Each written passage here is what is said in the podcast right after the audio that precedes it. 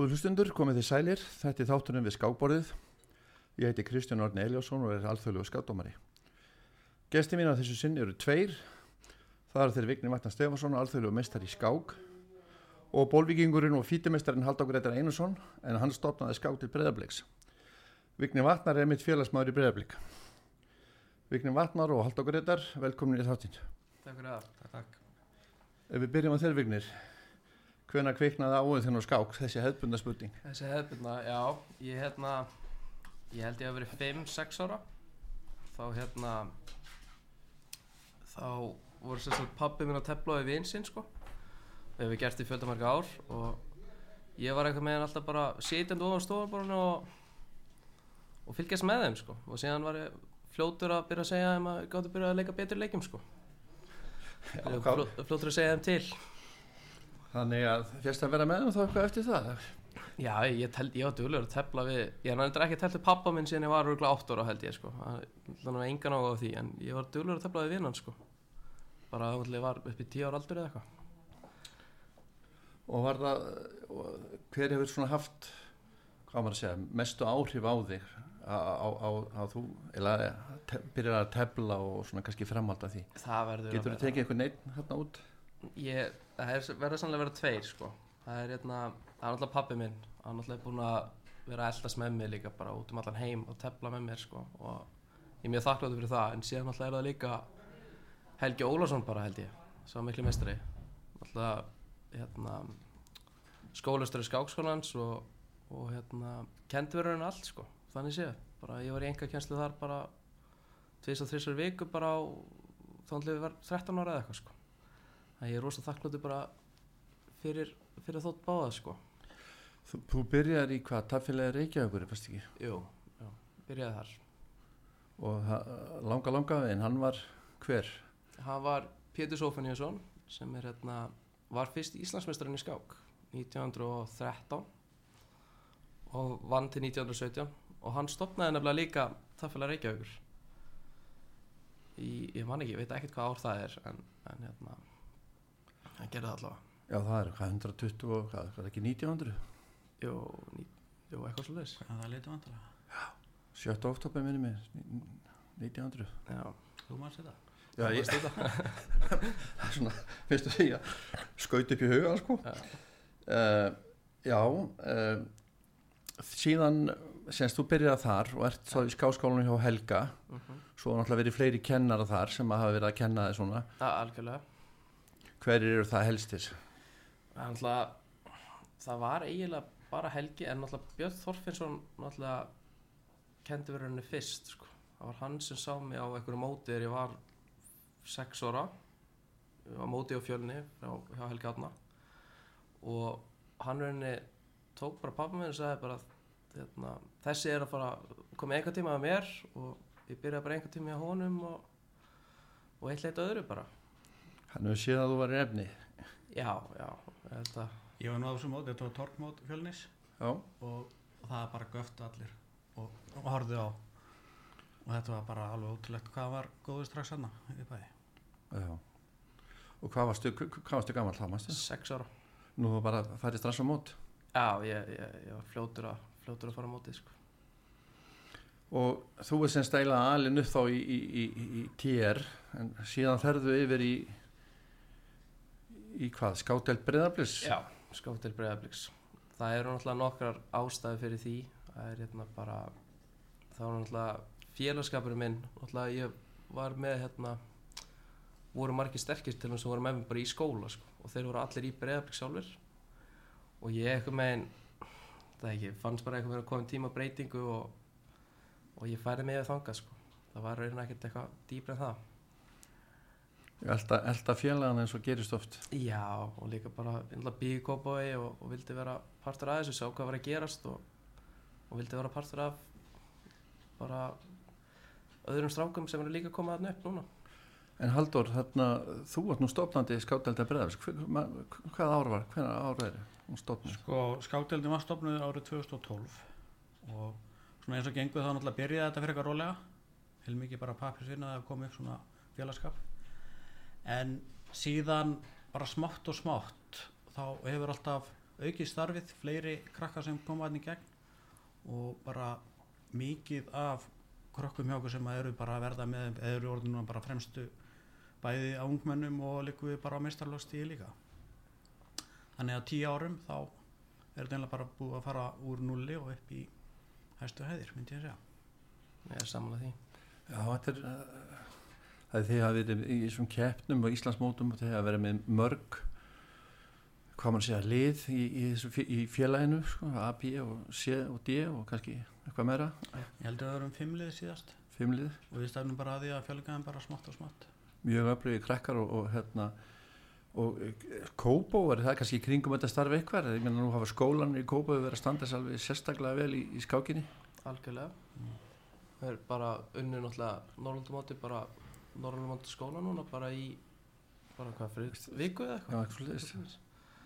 það er eiginlega að sjá Lindaskóli já, mm. það er hérna úgeðslega gaman að sjá hvað þetta er orðið upplöft í Kópavöðinu þegar ég kom hana í flutti Kópavöðin í öðrum þriðabekk eitthvað slags komin 12 ára eða eitthvað það var ekkert rosalega mikið um þú veist, þannig séð allavega skák var ekkert rosalega mikil í Kópavöðinum allavega nema kannski í salaskóla sko. það var mikið að gerast þar en allavega eins og mínu skóla var ekkert að frétta sko, og, og veit um marga aðra líka sko. Hvaða skóla varst þú í? ég hörðu allar skóla En hann er núna heldur búin, betur búin að taka við sér ekki? Jú, jú, við höfðum, við höfðum síðan Norrlandamestrar eitthvað fimm sinnum eða eitthvað sko. En það er náttúrulega bara út af, ég kannski, ætlum að segja, segja frá því að náttúrulega Arna Milutín, hann er 2000 eða eitthvað, hann er frábær, frábær skákmaður. Hann hérna var á þriða fjóra borðið hjá okkur. Hann segir oft svona í djóki að ég hef eðilegt líf hans sko. Að hérna, ég hef komið honum í skákina sko og hann hafi bara ekki getað hægt sko. Og ég er ennþá bara svona skák, hvað segja, addikt í dag, bara hann, hann teflir og teflir og teflir sko. Þetta er svona svipað hjá Bjössa og Braga eða, Já, já, rosa lík, rosa hérna, svipa myndi ég segja.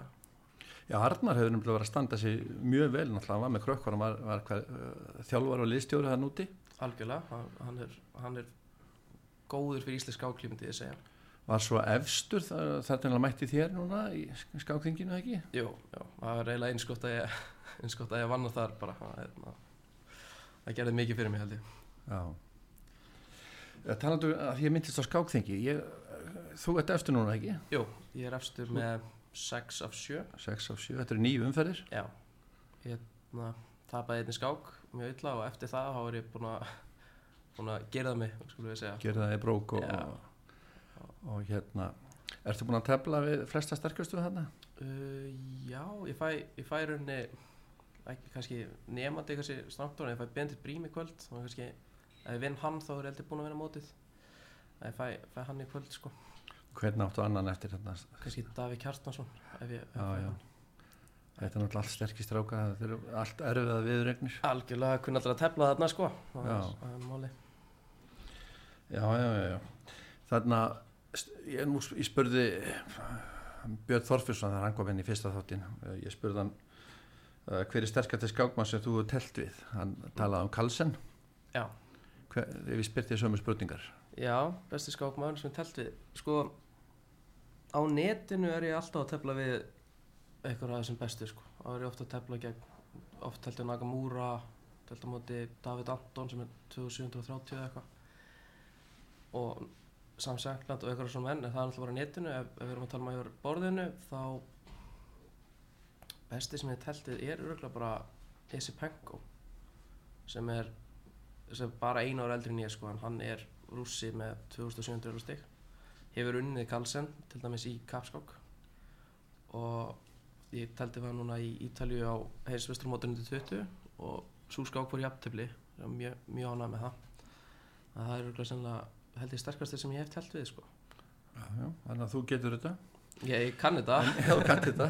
En við kannski ekki minnst á það að þú ert alþjóðlega skákmestari já, þú ert 19 ára. Verður 20 ára á þessu ári þannig að þú ert ennþá unglingur. Já, og þú ert búin með tvo áfanga stórmestaratikli það þarf þrjá áfanga. Já, og þú ert búin að ná 2500 elastöfum í styrkleika sem þarf líka skilir því, þannig að nú er það bara og þið vantar bara einn áfanga núna til þess að, að verða útnæmpi stórmestari hjá alþjóða skáksambandinu já ég, hérna, ég er eiginlega ætla ekki að segja brjálaður en það komið núna ár síðan ég náði síðast áfangunum sko. þannig að það er búið að vera svona smá smá svona dvali í ár myndi ég segja, ég er ekki búin að vera að standa með eins vel og, og ég vildi að ég væri að gera sko. en ég veit að að, að þetta kemur núna þessu ári og ég ætla, ætla að ná miklu lengra stefnir, þú varst, ég mann, þú varst, ekki, þú varst ekki komið með 2 og 5, þá varst ekki að hugsa um það, þú varst að strax byrja að fókusur á 2 og 6. Já, já, ég stend ennþá við það það, er, það þarf einhver Íslendingur að, að hérna, þetta, við hjörfa náði náttúrulega líka um uh, 2001 held ég en það þarf einhver Íslendingur sem náði og, og virkilega Halda stöðunni. já, halda stöðun og ná helst lengra sko. það er, það er allavega markmið mitt ég, ég elska þetta sport og mikið til að vera ekki að ná langt í þessu myndi ég að segja. En þú náðu þessum tveim, þessum tveir áfangar þessu, sem þú náður stórmestaráfangar, þeir voru með stuttu millibili ekki? Jú, Frekar. ég tók fyrsta í uh, Írlandi í janúar. Sem sagt fór út bara á gamlarskvöldi sko. Þannig og, og sem byrjaði móti bara annan og ég endaði með 7 á hálfana 9 eða eitthvað, bara alveg pakkaði mótinu saman og þá var ég komin svona á ról skulum við segja og síðan fyrir til Serbíu í februar tek þar tvö mót. Ætla að taka þrjú en lendi, lendi í smá vesinni en þá náði ég þess að áfoka þar á þriða mótinu. Og það var í rauninni eða alveg fáralegt út af ég var byrjaði mótið það illa. Ég var með 2,5 fjórum. Og maður þarf þess að ég þurfti 7 á 9 þannig ég mátti missa eitt jafntölu niður. En síðan vann ég bara næstu fjóra skákir. Bara allar mjög samfærandi og, og gæti bara gert leitt mér stutt í síðustu og, og fekk ég áfokan sko. Já, þú varst á góður í siglingu. Svo, veitu, þú teldir svo einvi við hérna, í, nýri í bæ hérna við hann tígar. Já, Tíker, Heilarp, já, sænska, sænska stórmestaran Sæðu okkur aðeins frá því, hann Það er hérna- mjög sterkur. Já, þannig byrjaði þetta í rauninni, við getum þakka sérstaklega Steppa Bergs fyrir það held ég, hann, hann kom með þá hugmynd og, og ég get sagt að það hjálpaði mér rosalega mikið. Ég teldi við hann sko í oktober 2021, ég var sérstaklega bara með 2380 þar eða eitthvað, þú veist, ég var í rauninni bara nýbyrjaður virkilega að koma mér aftur upp, eða koma mér upp bara. Og þá fæ ég þetta tækja ára að tefla við hann einvið og ég bara virkilega vann, vann það inn, einvið bara eiginlega býsna léttilega, ég lendi eiginlega aldrei í vesinni og, og mér finnst mjög gaman að tala við tíkir líka bara um skák sko, mér finnst það hjálpaði mér aldrei mikið bara svona gaman að segja að skilja þetta og sér kannski aðra hliðar en ég en ég, er mjög þakklátt fyrir þetta og síðan hitti mér þess að tíkir í deildikarni mars og það var akkurat það sem byrjaði svona þá var ég akkurat komin í 2.5 og það kveikti þetta aldrei í mér sko að hérna, hann sagði að vera ekki tissa sko. Hann vildi bara vera ekki tissa fyrir henni kemist í 2.6 allavega sko. Það er virkilega svona gaf mér virkilega svona gaman að segja boost að ég virkilega gæti þetta sko Já, Stefán Bergsson, hann er hvað askjulis fulltrú, hann er í stjórn skáksamfélags og Já. er askjulis fulltrú við þar og að hann hefur, sko ég er enda að var skástjóri á þessu móti. Já, og algjörlega. hérna, uh, ég man ekki, voru þetta fjóra skákir eða sex? fjóra skákir. Fjóra skákir. Andu, þrjú jafntefli og eitt sigur fyrir mig. Og ég var í raun og aldrei það var aldrei skákað sem ég var í vesinni sko, það var frekar hann að reyna að halda Já, einmitt, hann er hérna, sagði verið mitt frá því, þú varst svona eins og maður segir á skákmál, mjög solid, þetta var, þú varst, þú varst uh, aldrei inn í tapættu, þetta var svona frekar að það væri hann að berga í ettöfli. já, já, það, það virkilega gaf mig geggja búst sko. þessi tíkir hefur náð þú veist hvað, 2570 eða eitthvað svo leis Já, og ég er líka bara nokkuð frægur í skákheiminum fyrir bara þess byrjun til dæmis nefnd eftir honum Tækir Smolten sem Já. er svona já, svona uh, skemmtilegt aðbyrðið skulum við segja og hann er bara bísna frægur fyrir svona hvað við segja, bara uh, sitt hlutverki í skákheiminum sko. svona, ef maður hugsa út frá þessu, hversu mikið þetta er að hafa svona eins og, eins og þetta envi og fá þetta tækifæri að tefla svona sterkan skákmann og sérstaklega standa sér svona vel og, og svo var það svo góðu félagi því þið fóruð yfir skákinar, það var hérna þið ætlaði aldrei að, að sko, y- yfirgefa húsi, þeir voru bara stóttur eftir skákina og hann fór með mikið í þetta, er, er þetta ekki rosalega mikið vegt? Jú, algjörlega, þetta, þetta var æðislegt bara æðislega upplifun að, að fá þetta sko. og það vo, þetta var líka svo gaman að tala við hann um skákina sko. þótt að ég hafi unnið eða eitthvað fórum við samt yfir skákina, tölum kannski í 20 mínútur bara um allt skýrru og, og það virkilega, virkilega bætti með sér skákmann held ég. Að- algjörlega, og sé mjög mikilvægt að, að fá svona tækjaværi bara Já. ég skoðaði með þessa skákir mér finnst eftir vignir tefla rosalega vel þarna sko, einmitt, bara mjög sólitt og það var ekki að sjá að, að, að þessi miklu stórmjörstar á síðóttækir væri eitthvað betri skákmaður það var frekar hitt að að hérna, já, vignum við allan á stofunum alveg fyllilega jafnfættis Já. Þarna, já uh, sterkasti skákmann sem þú fyrir unnið Við, unnið já. hver er það? Er það? í kapskák þá Já, já, já, það skiptir ekki máli, það er skák eða aðskák þetta er, ég sko ég hef unnið fárulega margmann nýðutuna en, en það held ég að tellis ekki með sko. en ég hef held bara það er eitthvað vítal í kúnin frá Þískalandi svo 2006 ég vann hann sem sagt þegar ég var 15 ára í Þískalandi sjálfur og mann man vel eftir þeirri skák sko. það er hérna, góða minningar það, það er samt bara stegast þess með unni 2006 sko. en það breytist vonandi flótlega að vera stegari Já, já Þannig að þú er búin að tefla mikið ellendis þú hefur hefur eitthvað töl á, á ferðunum sem þú ferð út eða mótunum sem þú telt á út í ég, það er eiginlega nei sko. ég, hérna, ég var að reyna ég sett á Instagram eftir daginn sko, og var að reyna að muna hvaða lundi ég hafi farið í sko. það var bara ynga veginn leið fyrir mig að vita það sko. ég, ég giskaði að það væri yfir tíu sem ég held að sé alveg, alveg fullkomlega rétt ég tefli bara tefli alls það sko. Já.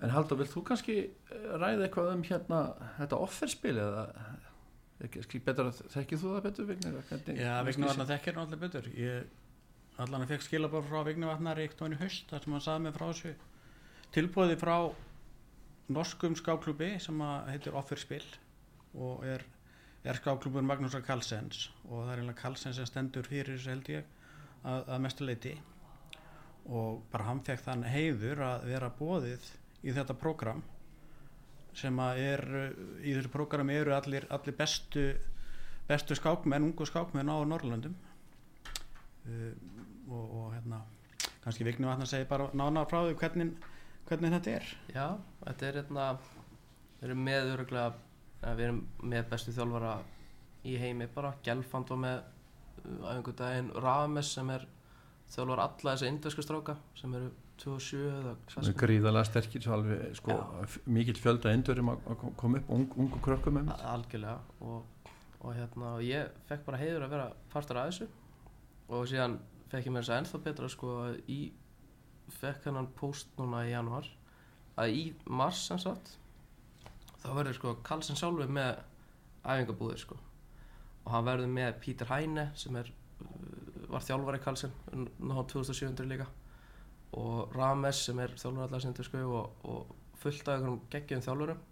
Verður sem sagt æfingabúðir í Noregi og ég, ég er að fara þangað. Og, og að mér skilst þá verður til dæmis uh, Pragnanda sem er indurinn með 2700 til dæmis þannig að Hann hann er hann fullt af þessum Hann sterkum hefur mynd komið hérna nokkuð sinnum á Reykjavík skamandi Jó, ég hef mér að teltu hann á Reykjavíkskóndi Já, Gekk ekki vel en nei. Ég það sé, er ekki það fyrir því. Ég sé að þeir eru hérna líka David Howell og Elizabeth Pats sem hefur, þau, Já. þau, hafa komið hinga líka og telt hérna á Reykjavík skamandi Algjörlega. Það sem þú ert með hérna er akkurat líka þetta með þess að annað sko, þetta er það sem ég fæ í hverju viku. Uh, þá á ég að fá sem sagt, byrjun undirbúning frá Eljanov sem er ná 2700 Hául á að tala um miðtöfl og eitthvað, eitthvað svona Pajets á að tala um uh, endatöfl, skilst eða eitthvað svona og Rames er að tala um að reikna á eitthvað svona bara hverja einustu viku sko. og ég hugsa að ég sé líklegur að, fara í að fá þetta Og hvað séu, hvernig byrjar þetta program? þetta, ég held að þetta eigi bara að vera að byrja í hérna í februar sko. það ekki cirka, já það byrjar ég held að það er svona, já en sen er æfingabúðunir hann að hvað 13. mars eitthvað svo já, já, það eru í mars, æfingunum byrjum í mars og þetta byrjar eitthvað í februar eða eitthvað Það er alltaf kannski hægt að skúpa því að, að þetta er akkurat þegar Íslandsmóð skákila er þannig að Vigni Vatnar verður ekki að fyrsta borði fyrir breyðaflík Er þetta eitthvað trikk sjá okkur? við hefum kannski ekki átt að auglýsa það Já, þannig að hann, kannski kemur þá bara sterkar inn sko, eftir, eftir þetta. Já, ég, ég ætla nú rétt að vona að ég geti lært eitthvað að Karlsson og, og þessi mönnum sko, það er alveg bara ótrúlegt sko, að Ég fór, ég hitti þið í Svíþjótt hvað, 2019 Eða, nei, 2021 2021, Já. sumarið. Já. þá varst að mynda að koma frá hvað Serbíu það ekki? Jú, jú, akkurat, já, ég fór til Serbíu um sumarið þar og hitti hann í, í Svíþjóð í Uppsala. Uppsannlega, og já, við hittumst þar. Þá var hérna mót þar í gangi og, og hérna Helgi Átna var einmitt þar með krakka frá mm fjölni. Og hérna ég, það sem ég dætti í hug ég hitti hann að Jesper Hall e, e, sko þá hann var eitthvað að tala um við mig að hérna svona búið til einhverja norð, sko akademíu fyrir Norðurlöndin. Það væri ætti að bjóða einhverjum einu, tveimur frá hverju landi svona í þetta, er þetta prógram hann eitthvað, er, kemur þetta eitthvað hann eða? já, þetta er, Jesper er mjög stór þáttur í þessu sko. Að bara eiginlega aðalparturinn að þessu öllu held ég að þetta sé í rauninni gert sko. Og sem veit ég að hann talaði við hann núna líka í Svíþjóð 2002 þá var hann að segja líka að Karlsson var mjög áhuga samar um þetta og þetta væri aðalega hann og, og Karlsson sem væri svona í rauninni með þetta sko. Hann vil beint búa til mikið og gott samstarf hjá Norrlandun Já. en, en Björn Þoffursson sagði fyrst að þetta er helvitis þeir, hann blótaði og þegar Karlsson var svo mikil áhugið þar að þeir voru búin að stinga okkur af í, í, í skákinni. Er eitthvað til í þessu hjá honum? Ég verð svona eiginlega, ég ætla ekki að segja þessi ósamala það er náttúrulega auðvitað fárunum mikill áhugi en varðandi sko hversu margir góður úlningar hafa komið upp þar þá eru rauninni ekki rosa margir sko, það eru kannski tveir, þrýr sem eru svipuðu level og ég en annars allavega sem ég sé þá þá er ekkert mikið að koma upp, mér finnst miklu meira að vera að gerast á dæmis, það er alveg bara það eru örugglega með svona tíu sem eru örugglega jafnstíðar og ég sko og samaldri sko. Þannig ég veit það ekki en ok, með Karlsson þá finnst mér rosalega líklegt að það sé að koma bara upp rosalega kynnslóð en það sem ég sé það núna þá finnst mér ekki vera ekkert vera betur en svíjarnir sko Haldur þú nú eh, varst áttunum sæti í stjórnskásansins og hérna eh, náttúrulega þekkir þessi mál nokkuð vel og svo náttúrulega stopnaru skátil breyðaflýs hvað með svona uh, vignir, hvað þú, þú sagðir að þú hefði verið hvað, fimm, sjald- fimm sinur norraldamestar eða skólinn hjá okkur, já, Og það var skólinn, já, reymaskóli hvað, sex sinum hjá Helga? Já. við erum oft, sko, við erum mjög oft norraldamestar með börnun okkar og hérna og Björn saði eh, í þættinum að, að sko þrátt fyrir sko mjög öflugt og gott starf þá værum við ekki að skila okkur værum við ekki að skila kannski á okkur afriksmönnum en við erum hugsanlega að skila okkur mjög góðum skákmönnum en ekki afriksmönnum og hérna en eh, menna nú horfsaldi til þín vegnis að þú hérna sett svona efni í afriksmann og hann talaði myndum það líka. Hvað segir þú Haldur eða þið báðir um, um, um hvað þarf að hvað þarf að gera til þess að að gera enn betur? Sko ég myndi segja að svona 16 ára yngri þá er Íslandi bara ágætismálum. En það sýnum við það allir samt svo við erum Norrlandamestrar barnaskólasveita núna og í þriðarsæti og við erum að standa ykkur vel á svona Norrlandamótum 16 ára yngri. En ég myndi segja svona krítiski aldurinn er aldrei 16 til 25 ára. Og þar þurfum við bara að gera betur þannig ég held að ef við höldum vel utanum þessa krakka sem er konum með 2000 stík 16 ára ég tala ekki með ef ykkur er komið 2200 stík 16 ára þá er hann bara orðin stórmestarefni og ég myndi segja að við erum allan í dag með svona fjóra einstaklinga sem að eru sem að verða stórmestarar ef þeir halda áfram að stunda skakina getur þú nefnandinn? já já, Vigni Vatnar hann tekur þetta núna þess ári. Hilmi Freyr, hann verður stórmestar líka. Bæði hefur hann hefileikana og hann ætla sér að gera það. Alessandri Dómasjúk 17 ára, sannlega alltaf 18 ári núna. Hann er gríðalegt efni. Hann er Ísling, Íslingur á ættarreik og Úkræn og, já, pappans er sem sagt uh, pappans er, er eh, Íslendingur úr, flóanum Hafþór. Og síðan er mamma hans hérna frá Odessa í Ukræni og hann flytur yngar til Íslands þegar stríði skellur á og er bara búinn að vaksa á að dafna og, og er, er mjög mikið efni. Ég myndi að segja að hann verður stórnastæri og síðan erum við Benedikt Brím sem var komið 2200 stík 16 ára. Það þýðir það bara að hann verður stórnastæri ef hann heldur áfram. En það er náttúrulega langt frá að vera 16 ára. Við erum 2200 og vera stórnastæri en, en, en ég myndi að segja að hann væri alveg efni í það. Síðan eru líka bara alveg hilmikið að mennum á aldrunum 16 til 25 ára sem að verða alþjóðlega sem að þýðir að þeir þurfa að ná uh, 2400 stegum og, og, og, og ákveðnum áfengu líka það er að segja ákveðnum sína styrkleika í mótum nákvæmlega Ég er, ég er alveg saman haldur hérna, hérna þessi þrý sérstaklega ég, hérna, ég er mikla trú ég fyrsta lagi stúdræði með Hilmi bara hann líkuði daglega sko. við erum bara alltaf stúdra saman og æfum saman og hann, ég veit alveg hvað hann getur sko. og hann er með 2150 núna hann, bara sagt hann núna þess ári hann verður hann 2450 allavega í, í mínum ögum Dómöldsug líka ég, ég er bara ótrúleitt hann hefur risið mjög rætt já, hann hann rauninni byrjaði bara sko, fyrst hann kom sko þá var ég bara svona var ég alltaf að vinna hann sko og minnst það var svo þægild sem byrjaði hann bara að taka mig. Og ég var, ég bara vissi ekki hvað var að gera styrunni sko. Og minnst hann vera frábær al, al, algjörlega áleika tvö ár þú veist, bara tveim árum yngri en ég líka. Og akkurat Benedikt líka ég, hérna, ég hef náttúrulega að þjálfa núna Benedikt öruglega í tvö ár og hann, ég, ég veit alveg hvað hann getur sko. því mér er hann ógeðslega góður líka þannig það er svona doldið vesen hann fer oft saman. Já, við erum, við erum, mjög, við erum bara góðið félag myndi ég segja og ég hef mjög, mjög mikla trú á hann líka.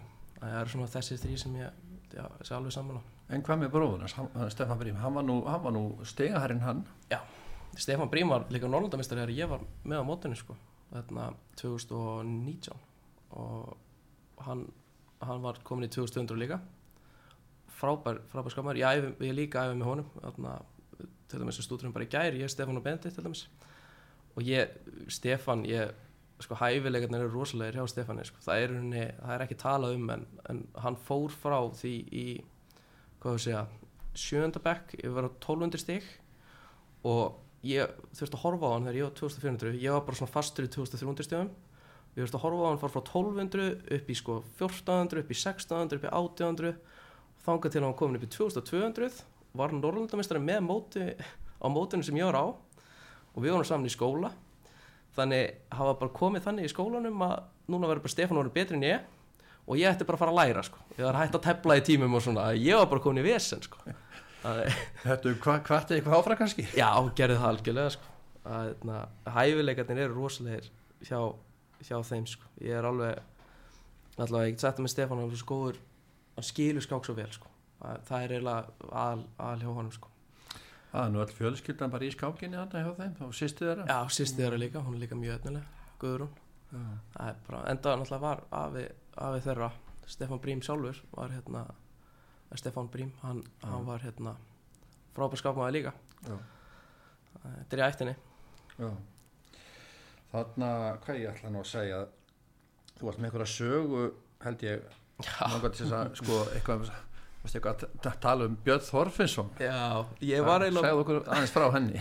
Ég var að búinast til að hann myndi minnast á þetta sjálfur sko, hann hérna í, í þættinum sem var hérna fyrst sko. En ég hugsa að ég myndi vera að segja þessu þetta var ég var sérst að 6 ára og þetta var eftir tórkmóti sem við tölum um á hann og þá byrjaði ég enga kjensli á Bjösa og það er bara geggjað frábært og, og svona á meðan ég bjóði Keflavík þannig einhvern veginn ég man ekki alveg hvernig það gerist en ég einhvern veginn fekk að tefla fjöldtefli gegn 8. til 10. bekk 6 ára gammal fyrir ekki, var, varst þú að tefla fjöldtefli við bekkin? Við vorum að tefla fjöldtefli við sko úrlingadeildina sem, þú veist, bara ykkur af útvalda sem vildu tefla og gáta eitthvað. Og ég það var mjög minnist að fyrir mig, ég komst ekki upp á borðið sko, þannig ég þurfti svona að fara á milli og svona, og svona stall alltaf á hverju borði. Og uh, hvað með það, en ég, ég fekk 7 af 8 held ég. Ég held ég að tapa síðustu mjög klauvalega og ég var, ég var ekki sáttum með það. En síðan kom, ég man ekki hvort það var frettablaðið, morgunblaðið eða hvað sem það var, eitthvað blað. Og hérna þeir fóru að spyrja mig eitthvað spurningar. Og ég, ég kom með að hérna, kom eitthvað spurning hérna hverju er ból skákmaðurinn? Og ég er náttúrulega þekkti bara eitt góðan skákmann á þessu tíma það var Björn Þorfinsson en ég eitthvað með henn sagði Úlfur. Og þá skildi enginn, það er enginn góður skákmaður sem heitir Úlfur nema kannski Úlf Andersson sem var leiðilegast skákmaður allra tíma sennilega. og hérna síðan fer ég sko í enga kjenslu viku eftir. Og akkurat með Björsa og Björsi fer bara að spyrja mig hva, hver, hver er Úlfur og segja við hann svo rosa krútlega að ég rugglaði þess að dýrategundum bara veit ekki hvernig það gerist sko. það rugglaðist á Björn og Úlfi Við skulum fara í hérna uh, smá auðlýsingar en við ætlum að, þú ætlum að spila svo lag. Já. Þarna, hvaða lag valdur þú? uh, Yfir borgina með, með Valdimar Það er svona mitt uppáhalds íslenska lag bara Við komum svo að verðum spori.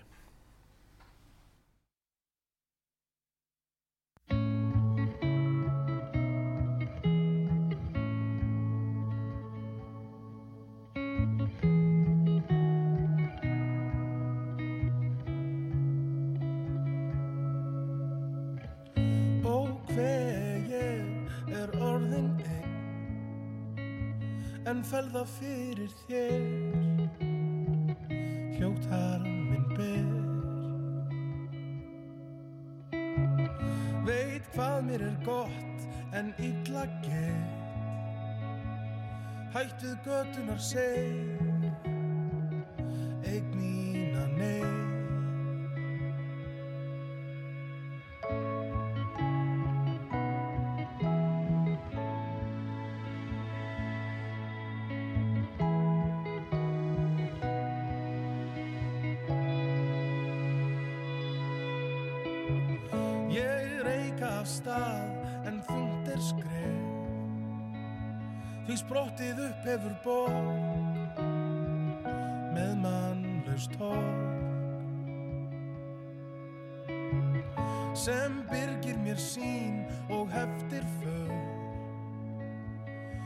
Húsin hratt fjölga sér.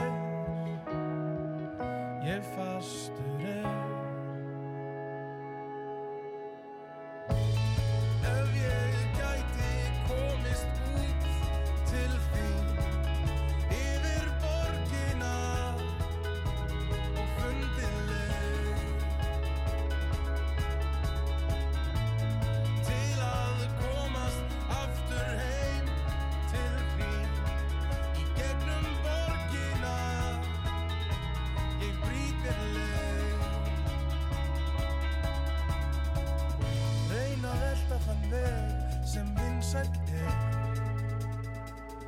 fljótt hann leikur mig grátt. Ég tapa átt Og hver ég er orðin einn. Vild ég væri með þér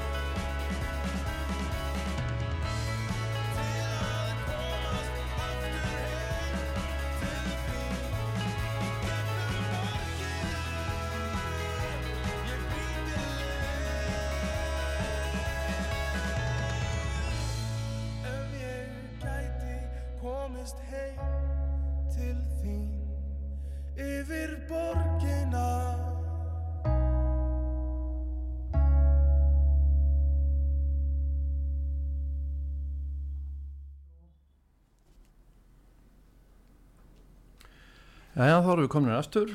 Ég, við erum hérna í þættunum við skákborðið. Ég heiti Kristján Örn og hjá mér eru þeir Vigni Vatnar Stefansson, alþjóðu meistari í skák og Halldór Gretar Einarsson, fítimestari. Við vorum aðeins að ræða hérna í, í, í hlíðinu núna, hérna, Vignir, vilt ekki, vorum að ræða um uh, bæði um netið og, og hver var þetta að tefla og, og, og svo framvegis. Nákvæmlega, hérna uh, það er bara ótrúlega mikið að gerast núna í skáfinni og þarna, og svo er Queen's Gambit komin að þá held allir að það væri veist, bestu hæðirnar sem skákbundin á. Ég veit ekki hvað er að gerast um þetta ykkur og það skák bara komin aftur núna bara miklu eða stærri en Queen's Gambit var. Þannig það er rosalega mikill áhugi og, og hérna, eins og við erum að segja á Kristján að það er máli með skák og munin og öðrum íþróttum er að þú getur bara byrjað að læra skák bara með að tefla á chess.com til dæmis.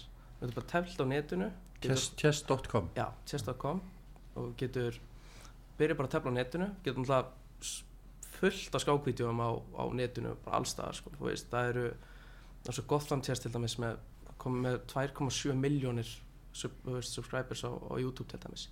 Það er bara rosalega mikill áhugi og hérna og er gaman að sjá sko. Og ég á líka bara ég hef nú verið að lendi því líka bara að fá svona randur spurningar sko. Stundur bara frá vini mínum bara hvað er best að gera hér eða eitthvað svona þú veist, bara, síðan bara byrjar að tefla bara fullu allt í hennu og ég veit bara ekkert raun út af hverju eða hvað gerðist en það er bara frábært að að það sé áhugi, svona mikill áhugi núna. Ertu að fá bara í skilabóð þá? Já, ég hef búin að fá allavega sett fjögur, fimm skil og bara frá sko, random fólki sko, og spyrja bara hvað er þetta að tefla og, og þú veist, og eitthvað svona. Og ég bendir endur alltaf á þriðudagsmótin tér hérna, sem Gauti Páll Jónsson kom, kom því á framfæri sem bara frábært alltaf bara 40 manns að mæta á það eða eitthvað svo leis og, og allt bara nýlegar sko. þetta er svona nýlega mótirunni það er ekkert, er ekkert margir sem eru yfir 2000 stelust að teppa þar þetta er bara svona, það er langar að tepla við borðinu og þetta er bara besti staðinu til sko.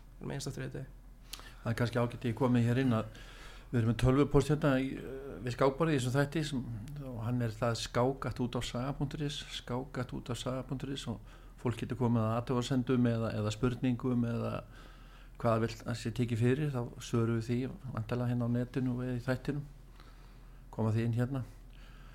En Halldór, þú ert nú búin að vera í tæknumálunum líka mikið og hérna hvar teflið þú? Ert þú að testa að komið þetta menn voru nú ICC hérna áður fyrir og, og, og Mm. er það bara Sko, ég held að það var ég á okkur skákþjóni sem hétt Fix. Fix? Það var svona frí internet chess server. Vá. og, og það voru ykkur sem voru áhuga mönnum mynda og, og, og eiginlega fundið þetta upp að tefla netinu. Síðan var eitt þeirra sem að uh, sá bara einhverja flotta viðskiptu hugmyndi kringum þetta.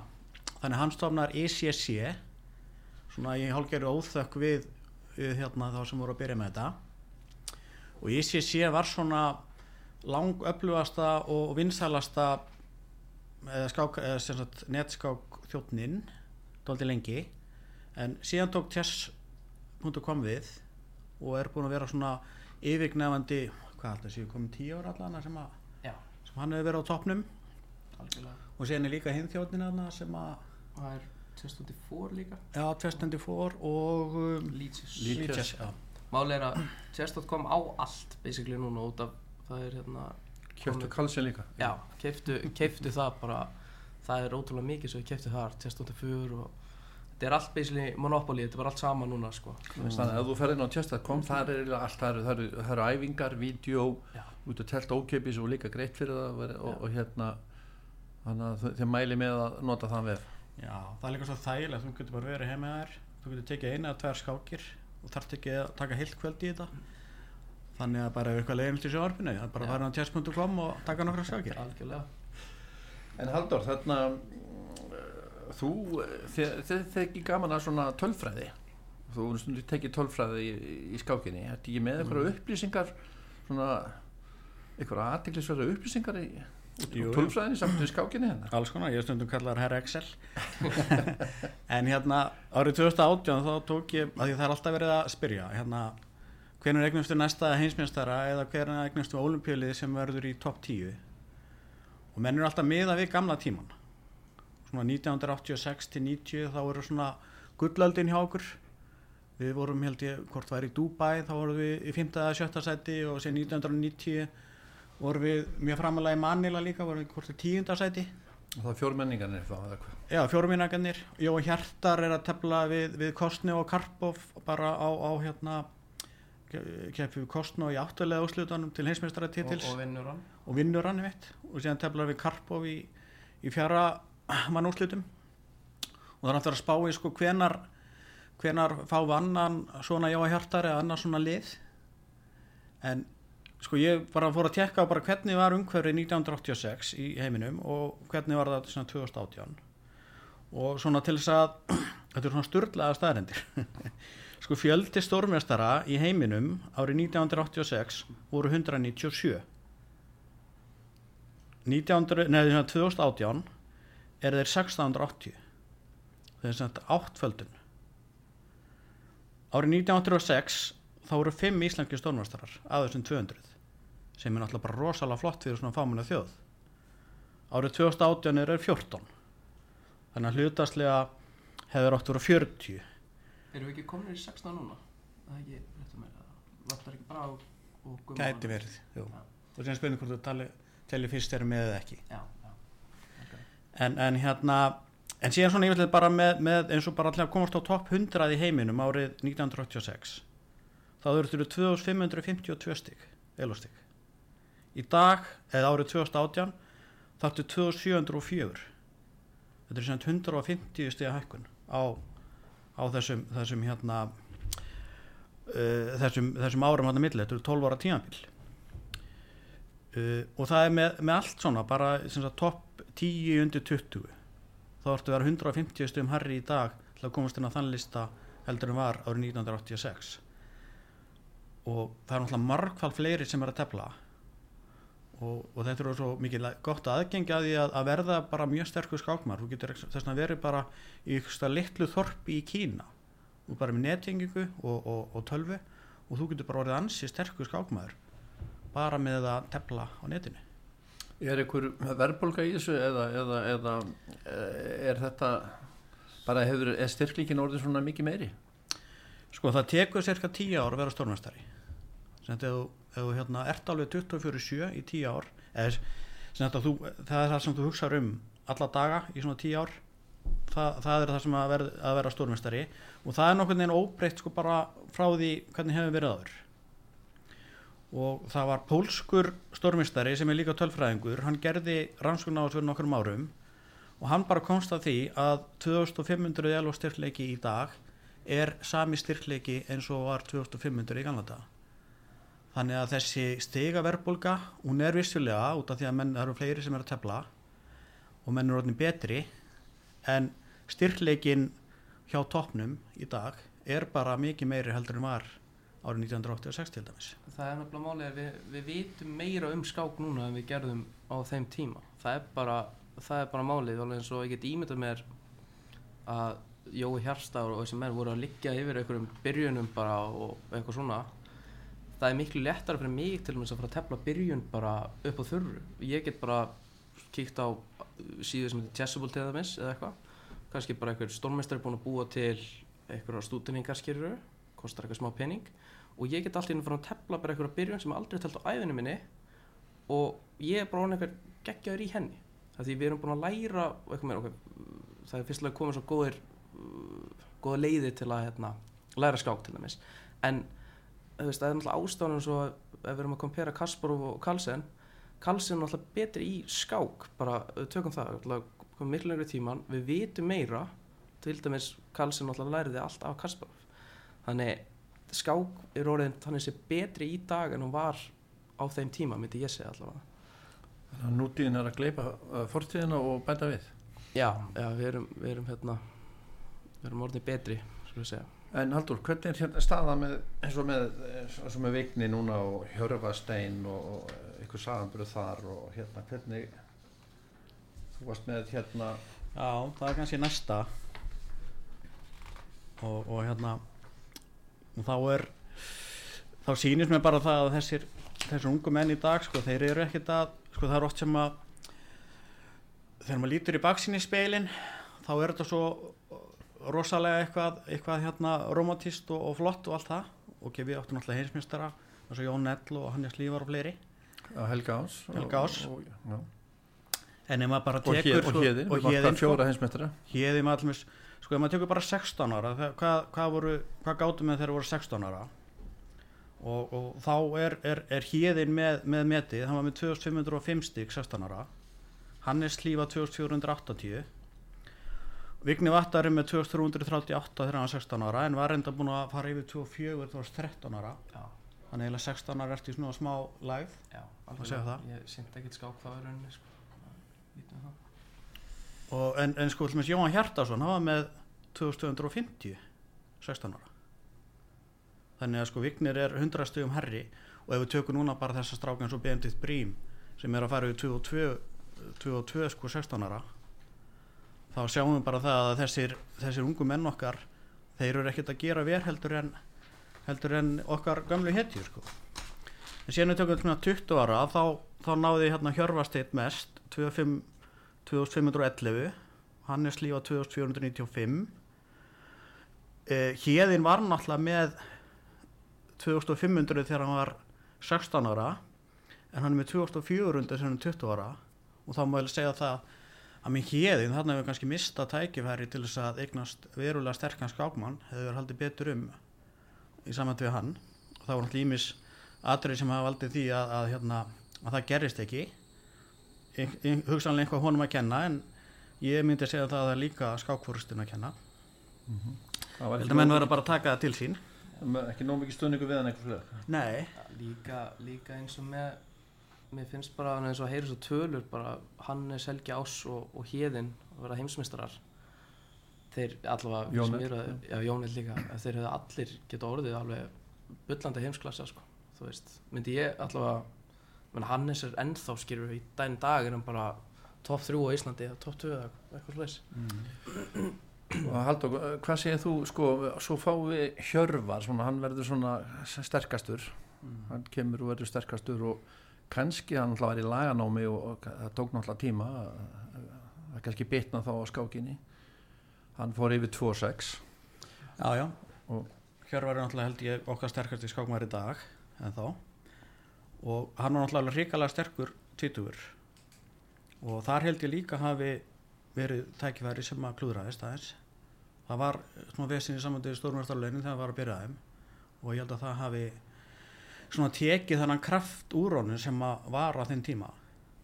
Þannig ég held að ef við ætlum að egnast uh, sterka afbröða skákmenn þá verðum við bara að passa okkur. Að halda vel utanum 16-25 ára. Ég held að það sé svona það sé svona krúsíal aldurinn.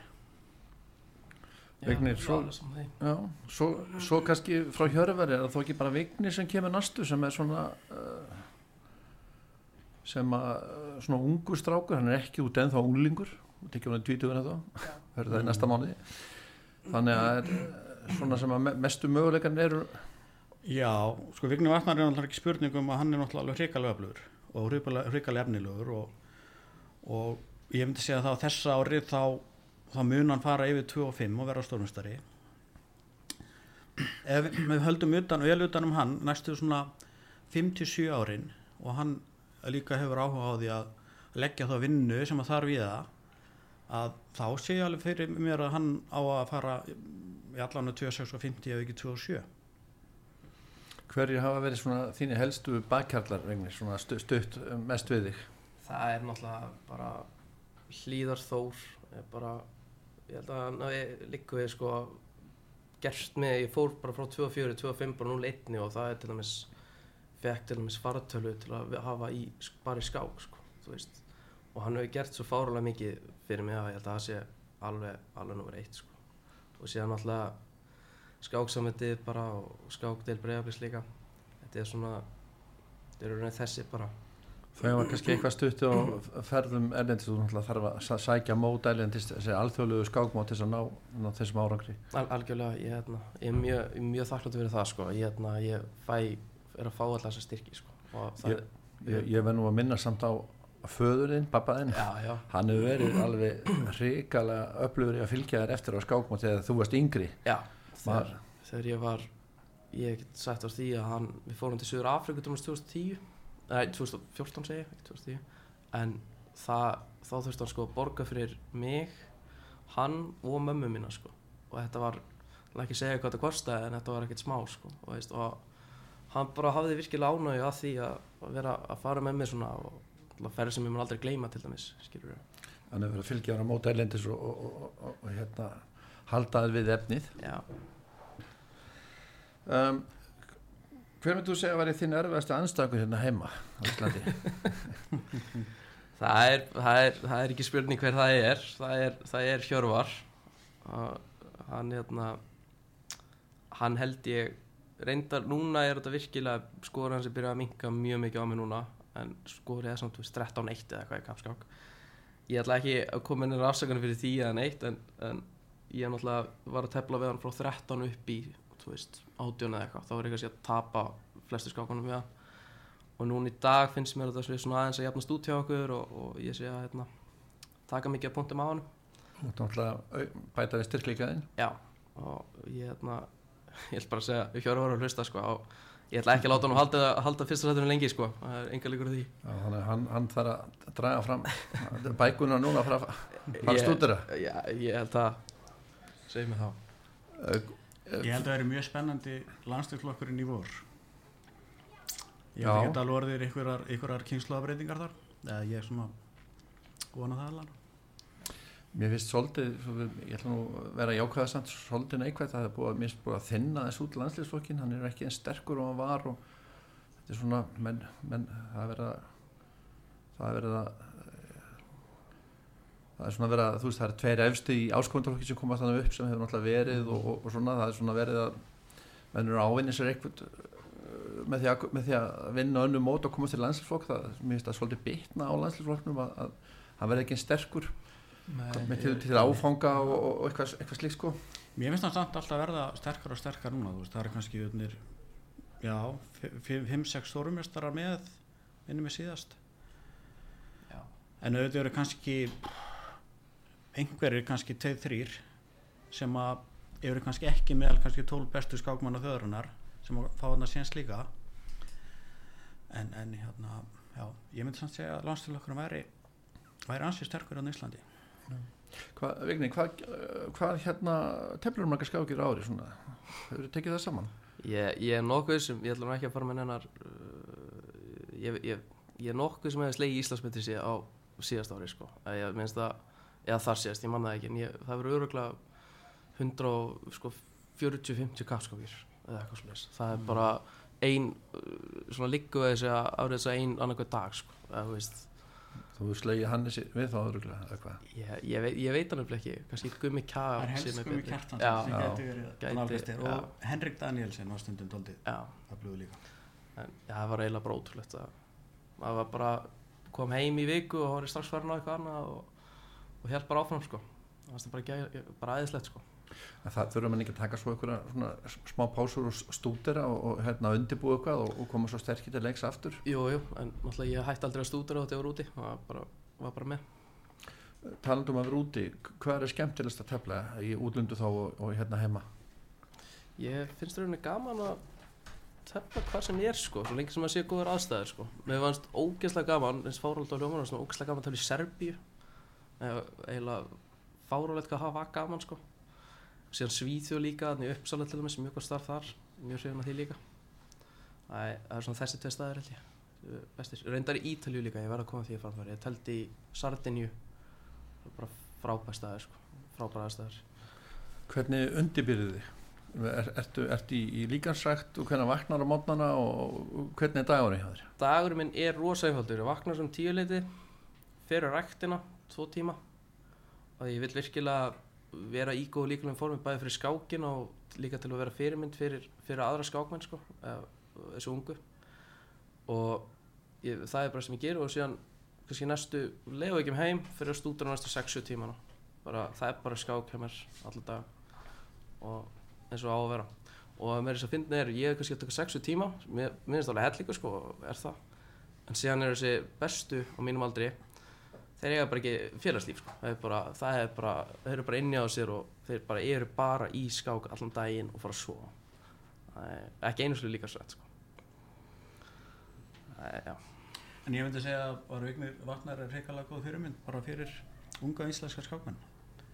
Bæði náttúrulega hvernig hann, hann stendur að þessu og bara hvað hann er orðin reikalega góður í skák og síðan bara gefur hann rosalega mikið frá sér bæði til jafnaldra sinna það er hérna 25 landsinsóparinn er, er, já, er, ekki, er ekki 12-15 sem er að mæta Jó. einu sinni í viku á æfingar og, og síðan er hann að kenna líka yngri krökkunum hjá, hjá eflegs þannig að, og verður ekki tafla við Garðabæða líka jú, jú.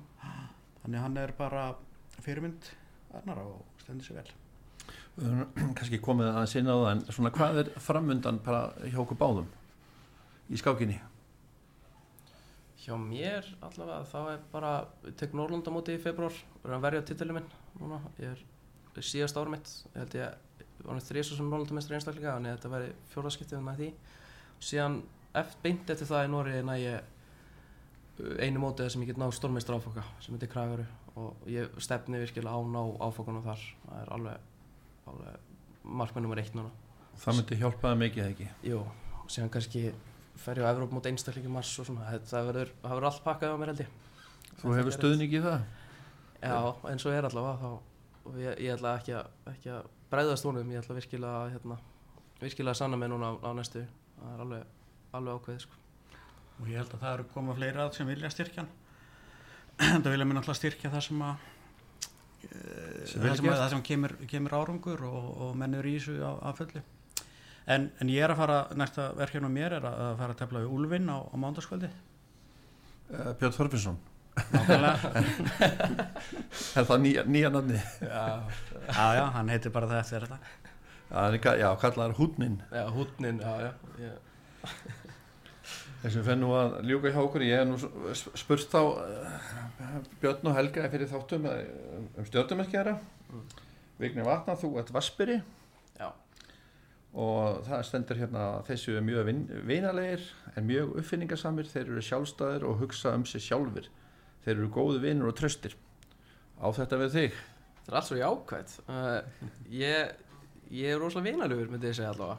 Ég, jákvæður, ég held að þú hefði sagt það. Þannig ég ætla að segja það, það tvent allavega sem ég vil lít mér. Já ég er samanlega, ég held að það var sett bæði freka vinarlegur og jákvæði nema þegar það það gengur mjög sjálfum já. það er stundum daldið svona Já, já, það er er alveg til staða sko. Það er enda búið að minka núna eftir aldrei en, en, orðið var, var við það. Já, já, að þú tapaði skák ég menn eins og þú, hérna, þú varst lítill þú tapaði eitthvað fyrir mér og hérna, við, við vorum að bara spjalla eftir skákina. Já, svo held ég í næstu skák teldur við Jóhann Hjartarsson og, og hann vann þig og, og þá fórst að hágráta. Já, já. ég var vona Ég, ég, við fann svo leiðilegt að tapa á þessu tíma sko. það kom bara aldrei til greina alveg saman móti hverju mér var sko. það var bara ekki í orðabókinni. En það hjálpaði mig líka uh, í því að tapa þess og byrjaði þá að tapa miklu sjálfmenn af því ég virkilega hataði það sko. já, það var losnaði sáseikan Já, og Halldór, þú ert fiskur.